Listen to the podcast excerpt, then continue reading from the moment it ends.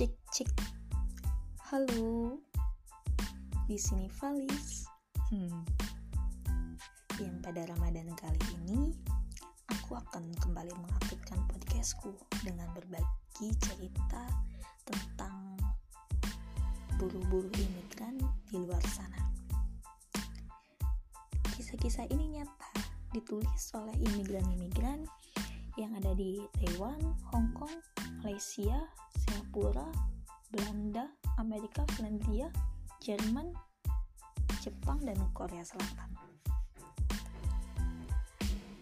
Aku mengambil cerita itu random dari buku yang berjudul 30 hari dalam cintanya.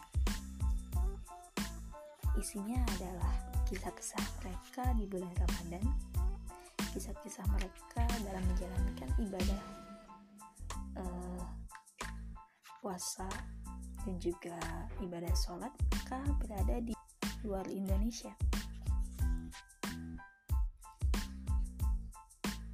Semoga kisah-kisahnya inspiratif. Saya akan mencoba membawakannya beberapa kisah yang ada di sini sampai nanti hari kemenangan. Hmm.